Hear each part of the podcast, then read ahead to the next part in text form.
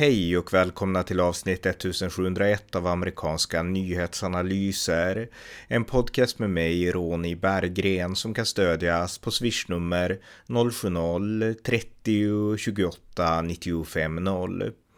Igår den 25 oktober så debatterade New Yorks två guvernörskandidater, den sittande demokratiska guvernören Katie Hochul och den republikanska utmanaren Lee Zeldin. Katie Hochul tog över ämbetet som guvernör i augusti förra året efter att den tidigare demokratiska guvernören Andrew Cuomo avgått efter anklagelser om att ha utsatt en rad kvinnor för sexuella trakasserier. Nu kandiderar Hochul till en fullständig egen mandatperiod. Den republikanska utmanaren Liz Zeldin vann i våras primärvalet om partinomineringen, där han besegrade kända namn som den tidigare borgmästaren Rudy Giulianis son Andrew Giuliani. Lee Zeldin uppmärksammades också stort nu i somras när han mitt under ett valmöte attackerades av en brusad man som försökte slå honom med ett spetsigt tillhygge. I normala fall var det länge sedan Republikanerna hade någon större chans i New York, men en opinionsundersökning av valfirman CEO Efficient från den 21 oktober visade att Lee Zeldin hade 1% ledning med 46 mot 45% för den demokratiska guvernören. Det ska sättas i ljuset av att Lee Zeldin länge legat långt under Katie Hochul i opinionen. Kan då Republikanerna skrälla i New York? Det återstår att se. Men guvernörsvalet är till synes jämnare än man skulle ha kunnat ana. Här några klipp från gårdagens valdebatt. You, Mr. Uh, Zeldin, you have vowed to remove the district attorney, Alvin Bragg of Manhattan. It's from day one that he was a district attorney. He said that he was got, not going to enforce all different kinds of laws across the board. Others he treat as lesser offenses. Alvin Bragg is not doing his job. The message will absolutely be sent that if you're the DA, it stands for district attorney, not defense attorney. Alvin Bragg can go be a defense attorney, but if he's not going to do his job, I'm going to do my job, and I'm going to remove him as soon as I can. Did you want to respond? I'd be happy to. I'm not surprised because in Lee Zeldin's world, you overturn elections you don't agree with. You can't throw out someone who is duly elected. Yes, I've worked with all of our district attorneys and given them more power to do their jobs. But for someone who voted to overturn a presidential election, I'm not surprised. He just thinks whenever he wants to do something, he can just you know, undo the will of the people. That's not the democracy we live in, but it's the world that Lee Zeldin does. Now, listen, you're a New York voter out there. You're worried about security on our streets and our subways. A question gets posed about a Manhattan DA who refuses to enforce the law. And all that my opponent can come up with is talking about the last election. Think about that. I tripled the amount of money to go to law enforcement, and Lee Zeldin, when he was a member of Congress, didn't even bother to show up for a vote to fund our police officers. He didn't show up to vote for sensible gun safety legislation. He walked off his job years ago to run for this one, and I feel for his constituents who've been not represented at all over the last year and a half. You know, it's amazing that we're going to be able to go through the entire crime conversation of this debate, and we're still waiting for Kathy Hochul to talk about actually locking up criminals. I mean, people are at home waiting for action to make sure that the handcuffs are going on criminals instead of law abiding New Yorkers so that people can go walk the streets of Manhattan instead of having to call an Uber just to go two blocks because they're afraid. People who have changed their behavior, they're not riding the subway at the same hours. Maybe they're Jewish, they take their yarmulke off because they're afraid of being attacked. Maybe there is a woman, they tell me these stories of having to hug a pole or grab a guardrail because they're afraid of being pushed in front of an oncoming subway car. There are criminals out there who need to pay the consequences for their action instead of the catch release policies that Kathy Hochul champions. I, if this is my question time, Yeah. I got a real simple one. This is a yes or no. We'll move right on. Is Donald Trump a great president? I worked closely with him on a, a Yes or number no? of important Yes or no? policies. And he's I- allowed to have a, a minute, like you. And, and I believe that from our work to combat MS-13 on Long Island, our work to secure a $2 billion electron ion collider for Brookhaven National Lab, and all of the many decades of jobs, not just for the construction, but the research, will be humanity-changing research, whether it's our work to secure the southern border, strengthening the U.S.-Israel relationship, moving the embassy in Israel from Tel Aviv to Jerusalem, getting the Abraham Accords pushed. Maybe uh, the effort to go after the Iran nuclear deal, which was fatally flawed, and fortunately he had st- he stopped it. When it was the pandemic that hit, and I was calling, picking up the phone, and I got PPE here, and we're getting the approvals for the semi-automated testing, the public lab testing, the private lab testing, bringing the USNS Comfort up to Thank New you. York, bringing the Javits Center online. All of that work is our Thank you. Mr. Zeldin. I'll take that as a, I would take that as a resounding yes, and the voters of New York do not agree with you. If you lose this election, um, do you promise to abide by the results? Well, first off, losing is not an option. Secondly, playing along with your hypothetical question, of course. Thank you. Uh, Mrs. Hochul, your campaign fundraising practices have come under public scrutiny. I just have to respond to something I heard. You basically heard Lee Zeldin say he would vote once again to overturn a presidential election. I think that's something everybody should know. And the fact that he sent text messages to the chief of staff of the White House to lay out the strategy on how to subvert public opinion and try to carve it into this idea that there's a big lie out there. And I think that's deeply troubling. I understand the concern you just raised. I have always, for 30 years as an elected official, played by all the rules. There has never been. Thank you, Mrs. Hochul. I want, yeah, Lee Zeldin, please respond. Well, I mean, it's no coincidence that you, you ask a question about crime and my opponent wants to talk about the former president. You ask a question about pay to play corruption plaguing her campaign. She wants to talk about the former president. But okay. So if anyone out there wanted to go back and look at the text that was sent to the White House Chief of Staff, it was at the very beginning of November, before the race was even called for Joe Biden. And what my concern was that I expressed was that you should only be putting out confirmed, verified, actual irregularities. Because the problem was everything was getting mixed Thank you. together. But that was the very beginning of November before the race was even called. Mrs. Hochul. Här följer ett samtal om debatten tillsammans med Albert Borchetto, en av mina poddlyssnare med ett stort intresse för amerikansk politik som också såg debatten. Varmt välkomna! Albert Borchetto, välkommen! Tack så mycket.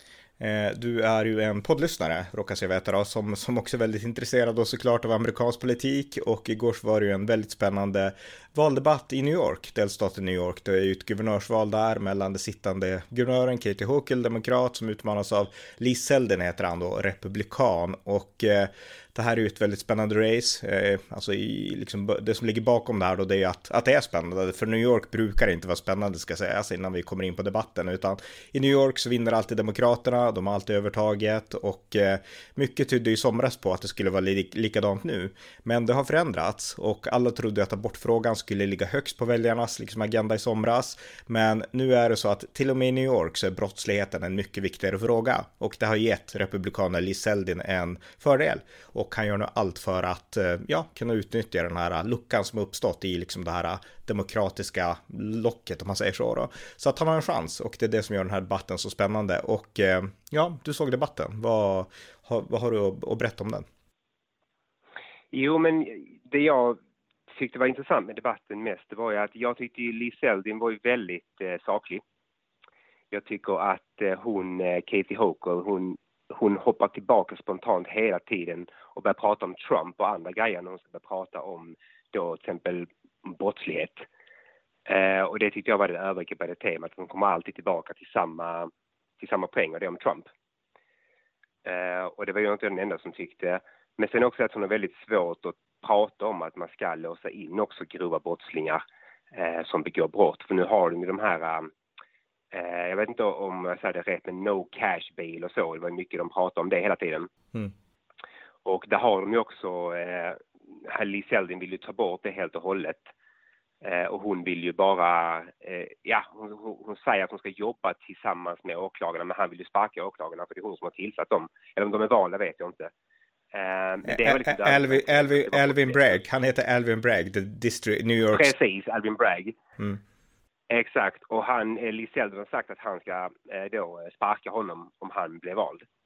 Eh, och då började hon direkt, eh, Kathy Hochul, då började skrika på honom att jo men du, du gör eh, precis som Donald Trump, när du inte gillar ett valresultat så ska du sparka, så, så, så tror jag att du bara kan decertify och sparka folk.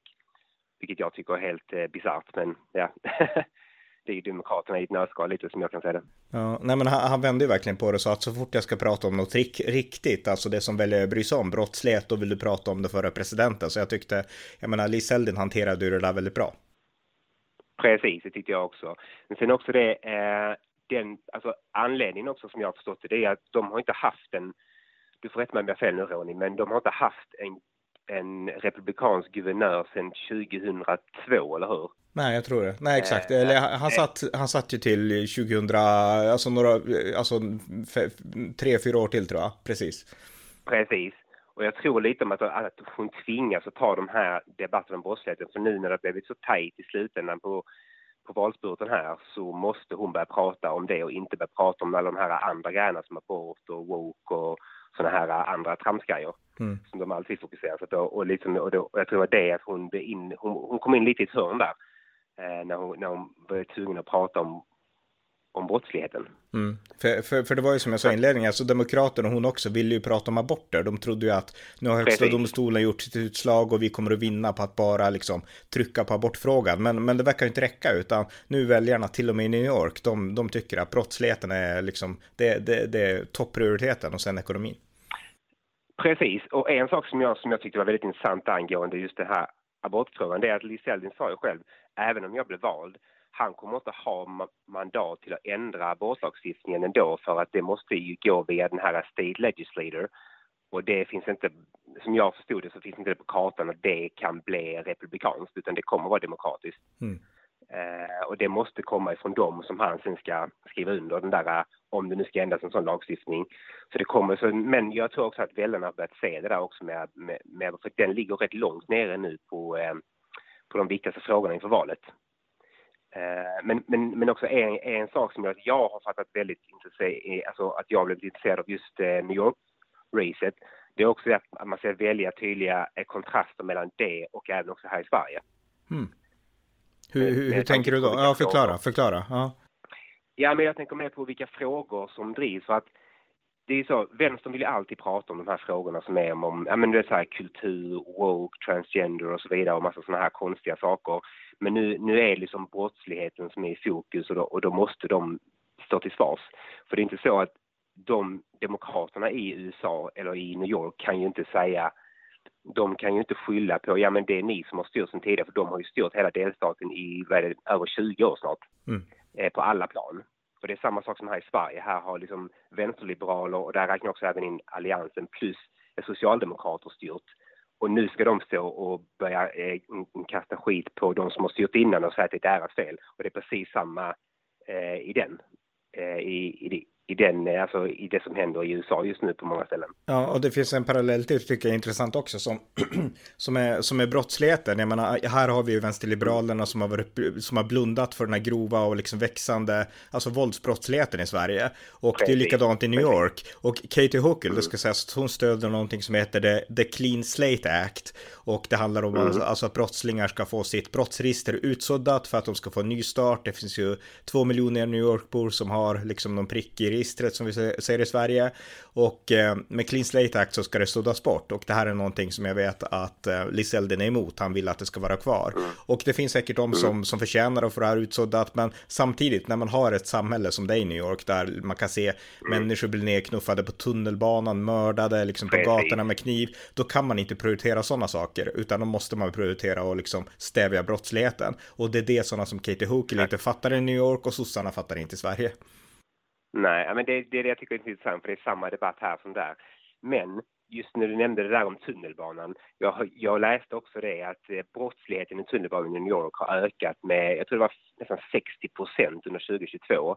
Plus att det har gått upp med, jag tror det har varit åtta eller nio mord också eh, i den, eh, i själva tunnelbanan under detta året, vilket är ett rekord. Mm. Eh, och hon, eh, ja, och där börjar hon också prata väldigt mycket om, jo men vi måste stoppa illegala vapen och allt det här, men en del av de illegala vapnen, eller en stor del skulle jag säkert säga, kommer ju, så, eh, kommer ju över den öppna gränsen från kartellerna.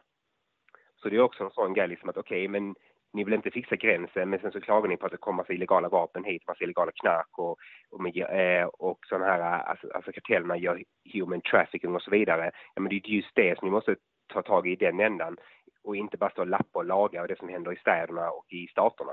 Nej, exakt. Och det, och det var inte bara illegala vapen hon pratade om. Det var alltså det stora problemet med henne, det var att hon pekade också ut legala vapen. Eh, därför att, alltså, rätt, alltså, att helt förbjuda det som man kallar military assault weapons i USA, eh, mm. typ militär handeldvapen och eh, hon var också kritisk till att högsta domstolen slog ner på en tidigare liksom vapenrestriktiv lag i New York. Så att hon ville mm, även förbjuda mm. legala vapen. Och det var det Liselden var så, var så kritisk till att när vi pratar om brottsligheten så vill du förbjuda laglydiga medborgare. Och en sak jag läste som var intressant, det är att hon kommer ju, Katie Huckel, från norra New York. Och när man tänker på New York mm. kanske man tänker, om man inte var där i synnerhet, alltså New York City, tänker på New York. Men mm. norra New York, det är ju väldigt, det är landsbygd, det är liksom bönder med boskap och sånt där. Och det är där mm, uppifrån hon kommer. Och hon satt i några år i kongressen, alltså i Washington DC. Och då fick hon en top-rating av NRA, alltså vapenlobbyorganisationen. För ja, men hon, det hörde jag också. Ja, för att hon, hon såg som en vapenvän liksom. Och jag menar, hon har gjort en total makeover och blivit superliberal sen hon vart, eh,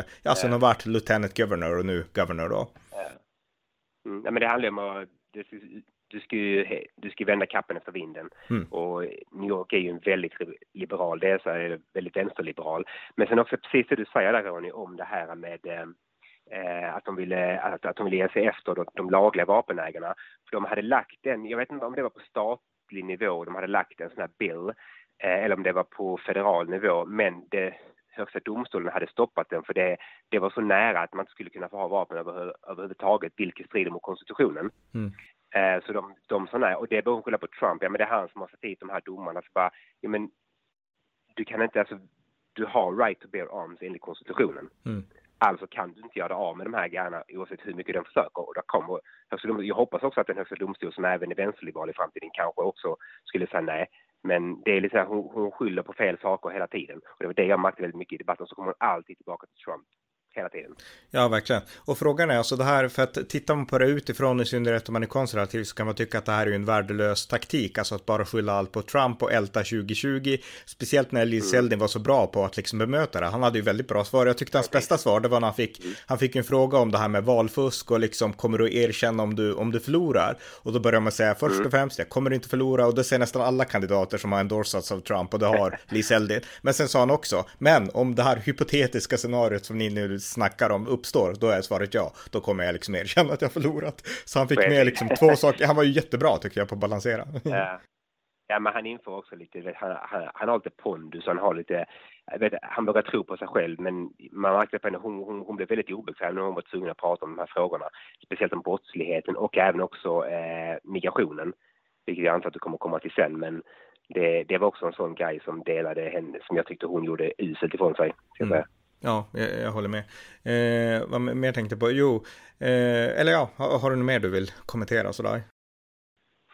Eh, nej, men det är en sak, alltså själva debatten, eh, det var också, jag tyckte faktiskt att det här formatet i, i debatten, det, det är något nytt som jag inte har sett innan, det måste jag säga. Eh, de hade ju det här eh, de hade ju sådana här opening statements och så var det frågor. Sen var det någon sån cross examination som jag inte har sett innan. Eller jag, jag, jag har sett det något innan på någon debatt, men det var att man får ställa, att kandidaterna får ställa frågor till sin motståndare direkt. Mm. Eh, och det tycker jag faktiskt var rätt, eh, alltså det var, det var bra, lite nytt, för det har jag inte sett innan faktiskt. Jag, jag har sett det, eh, jag har, första gången jag såg det, det var bara för typ två veckor sedan, alltså i guvernörsdebatten i Georgia, då var det också att de fick ställa frågor ja. till varandra. Och, var det. Ja. och det var suveränt, jag har aldrig sett det förut, och det var, det var otroligt Nej. mycket bättre. Och speciellt, och inte de här liksom spontana, nu är jag arg och bara kasta ur med någonting, utan det var genomtänkta Nej. frågor som de sig fick ställa i lugn och ro liksom. Och det var det som gjorde ja. det bra, och det, det, var, det var suveränt, alltså det är någonting som alla borde lära sig av. Så att det är ändå, det är ju, i, i det här klimatet där alla duckar debatter och där man tyvärr verkar överge debatterna i USA jättesnabbt så är det här ändå ett ljus i debatt, debattvärlden. Ja, men jag tycker alltså, jag blir också jätteimponerad för det, det är någonting, visst nu är det kanske svårt att göra det i Sverige när det är åtta partier som alla ska stå och prata, men liksom när det är så här one-on-one, mm. då blir det jätteeffektivt sätt att de får ställa egna frågor till sin motståndare och får svara. Men också att man slipper de här moderatorerna som hela tiden ska in och avbryta hela tiden och det tycker jag var jättebra. Eh, och sen hade du också den här, eh, vad heter det, lighting round där man fick liksom så svara på ja eller nej eller korta svar på frågor. Så att jag, jag, jag tycker själva debattformatet, det tyckte jag faktiskt var väldigt mycket bättre än det jag sett innan.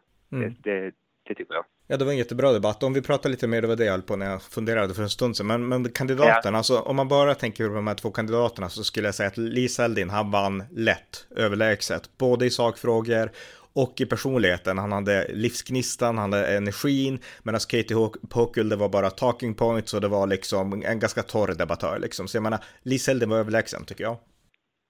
Ja, jag håller med dig 100 procent. Men hon, man, man, man såg det på henne, hon, hon blev obekväm. Lee Seldin älskade att prata om de här frågorna för det är saker som rör, alltså det, det, är precis samma sak här under vår valdebatt som vi hade här. Att, alltså, man ska prata om saker som, som verkligen rör gemene man. Mm eh, gemene man eh, som måste jobba eller som får betala mycket för sin el eller för sin, sin drivmedel eller sina hyror. Och det, de, de pratar också väldigt mycket om det här att huspriserna har stigit väldigt mycket i New York.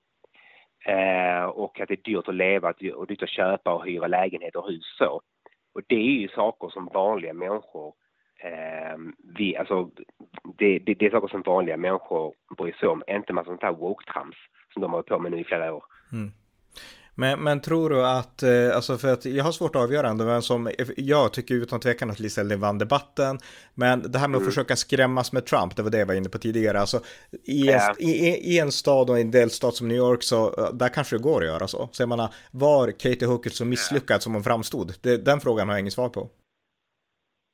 Ja, det är svårt att säga för de här ultraliberala delstaterna och eh, städerna, de de röstar ju, alltså, de röstar ju för att de är rädda för vad, alltså, för det, det är det enda som Demokraterna kan skrämma med just nu, det är ju Trump. De kan inte skrämma, de kan inte använda, de kan inte använda covid. För den är nästan helt ute nu och det är ingen som tror på det längre, att de håller på att skrämma folk med mask mandate och vaccin mandate och så vidare.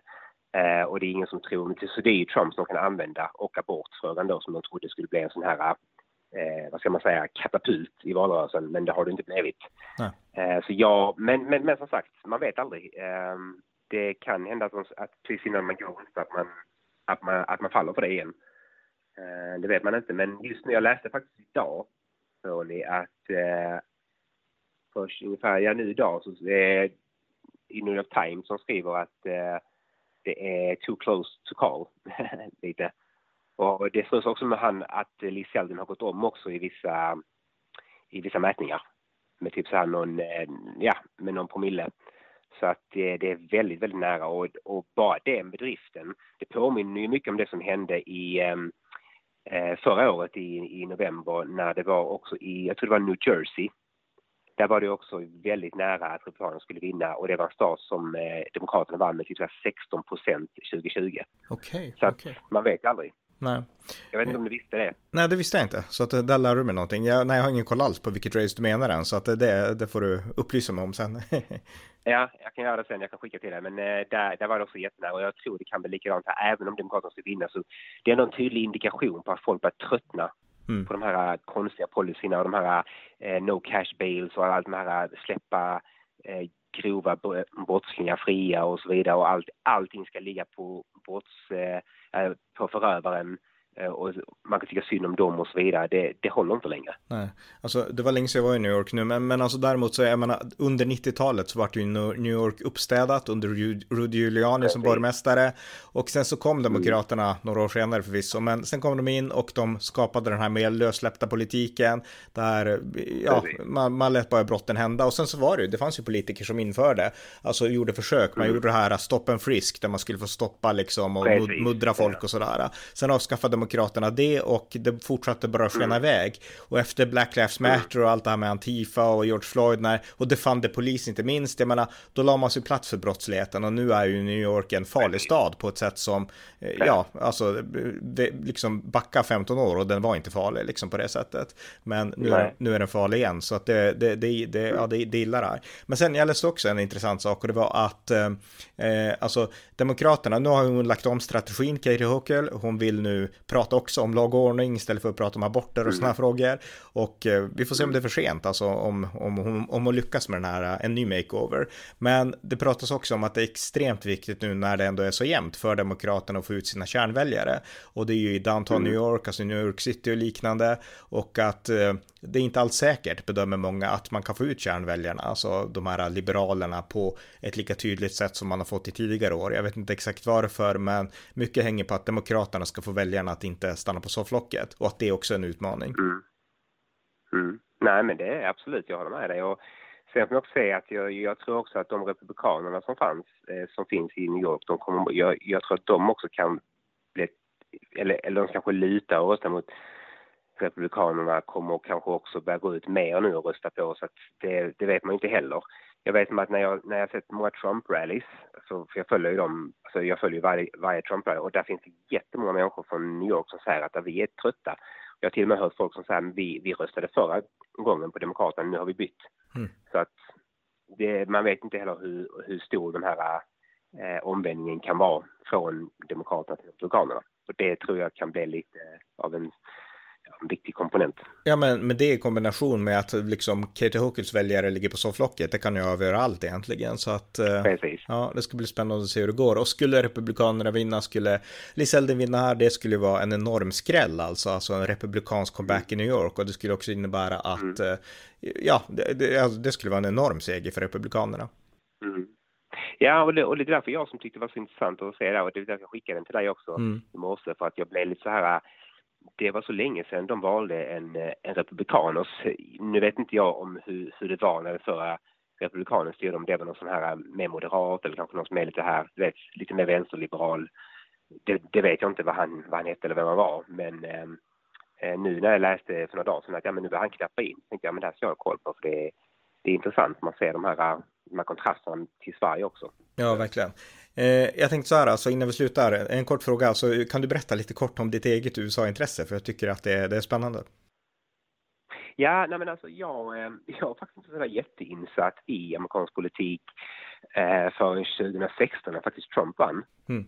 Eh, och då blev jag så här för att då, då, det, det blev en jätteskräll Eh, och det skrivdes och folk blev helt tosiga av sig och jag bara kände att nej men jag ska kolla vad är det som är så farligt med den här snubben som alla, för jag följde inte den, eh, den, valde, alltså den eh, valrörelsen överhuvudtaget heller. Eh, men sen så blev jag mer insatt och mer insatt och började läsa på och blev, blev mer så här intresserad. Eh, och så, men sen så upptäckte jag svensk media är totalt värdelösa på att rapportera om USA. Alltså det är totalt värdelöst. Eh, och jag ville hitta någon mer sån här, alltså någon som förstod vad USA är grundat på, vad det är för idéer som ligger bakom, vilken... Eh, och, det, och, det, och, det, var så jag hittade din podd. Och jag började läsa också din blogg också. Eh, och där kom jag in liksom på, ja men här har man liksom en nyanserad bild. Det var inte bara det här vänsterliberala mediadrevet i Sverige som ja men demokraterna är så goda och republikanerna är så onda och dumma lantisar. Men det är liksom den bilden man får av dem. Mm. Eh, och det var så jag kom in på det mer och mer. Sen har, sen har jag lyssnat eh, på din podd sen jag vet inte, två år tillbaka. Och blev mer och mer insatt. Och det här mellanårsvalet följer jag jättenoga i och med att det är så det är viktigt för det som händer i USA, det påverkar också Sverige, speciellt med ekonomin. Ja, verkligen. Eh, så det, det är lite därför, men det är så här, ja men fem, sex år har väcktes mitt eh, USA-intresse. Mycket intressant och jättekul att höra så att jag, jag inspirerar. Det är lite av min, min, min önskan med podden och med, med bloggen också tidigare. Att alltså, få folk att, att väck, vakna upp inför det här, alltså det här unika med USA som ja. man stirrar så lätt blind på, inte bara på att republikanerna är konstiga utan även personligheterna, Donald Trump och så bortser man från alla de här principerna som ändå finns bakom som är vettiga egentligen. Hur ovettiga kandidater republikanerna än har så har de vettiga grundidéer och det är det som alltid missas i svensk media. Eh, men sen också titta också på vad det är för politik som man driver. Mm. För det är alltid så här, det, det, det är samma som i Sverige nu, titta på deras, deras historia, titta på deras kandidater, titta på vad han har sagt. Men vad är det för politik som man vill driva? Alltså visst, jag kan vara med Trump, han är ju en underhållare, han, han vet ju vad han ska göra när han står framför en kamera liksom. Det är så, han, han kommer ju från tv-profilerna, alltså han är ju en tv-profil sen tidigare. Men titta på vad, vad, vad han faktiskt levererade i, i politik, och det var bra, och det var bra det, det han gjorde, alltså mångt och mycket, så var det jättebra. Ja. Det, och det är det man aldrig skriver om, utan man skriver alltid om vad, vad han har sagt, alltså något namnfel. Alltså svensk media, alltså mainstream då, är totalt värdelösa på det. Mm. Så är det. Så att eh, det är lite därför jag håller koll på det. Men det, det ska bli kul att följa det här valet. Eh, jag hoppas verkligen, för jag kommer att sitta uppe valnatten och följa allt i, i realtid och se vad som händer. Mm. Så det skulle vara kul och jag hoppas verkligen att eh, det kan vända i många delstater. Ja, ja. ja verkligen. Du får, du får vara med i min podd tre gånger, men eh, ja, om du vill. Absolut. ja. Okej, okay, men, ja, men tack för det här samtalet i alla fall. Ja, men tack så jättemycket, Ronny. Ha det bra. Ni har lyssnat till amerikanska nyhetsanalyser, en konservativ podcast som kan stödjas på swishnummer 070-30 28 95 0 eller via hemsidan usapool.blogspot.com på Paypal, Patreon eller bankkonto. Om ni har möjlighet så skänk också en slant till valfri Ukraina-hjälp. Det var allt för idag. Stort tack för att ni lyssnar på amerikanska nyhetsanalyser.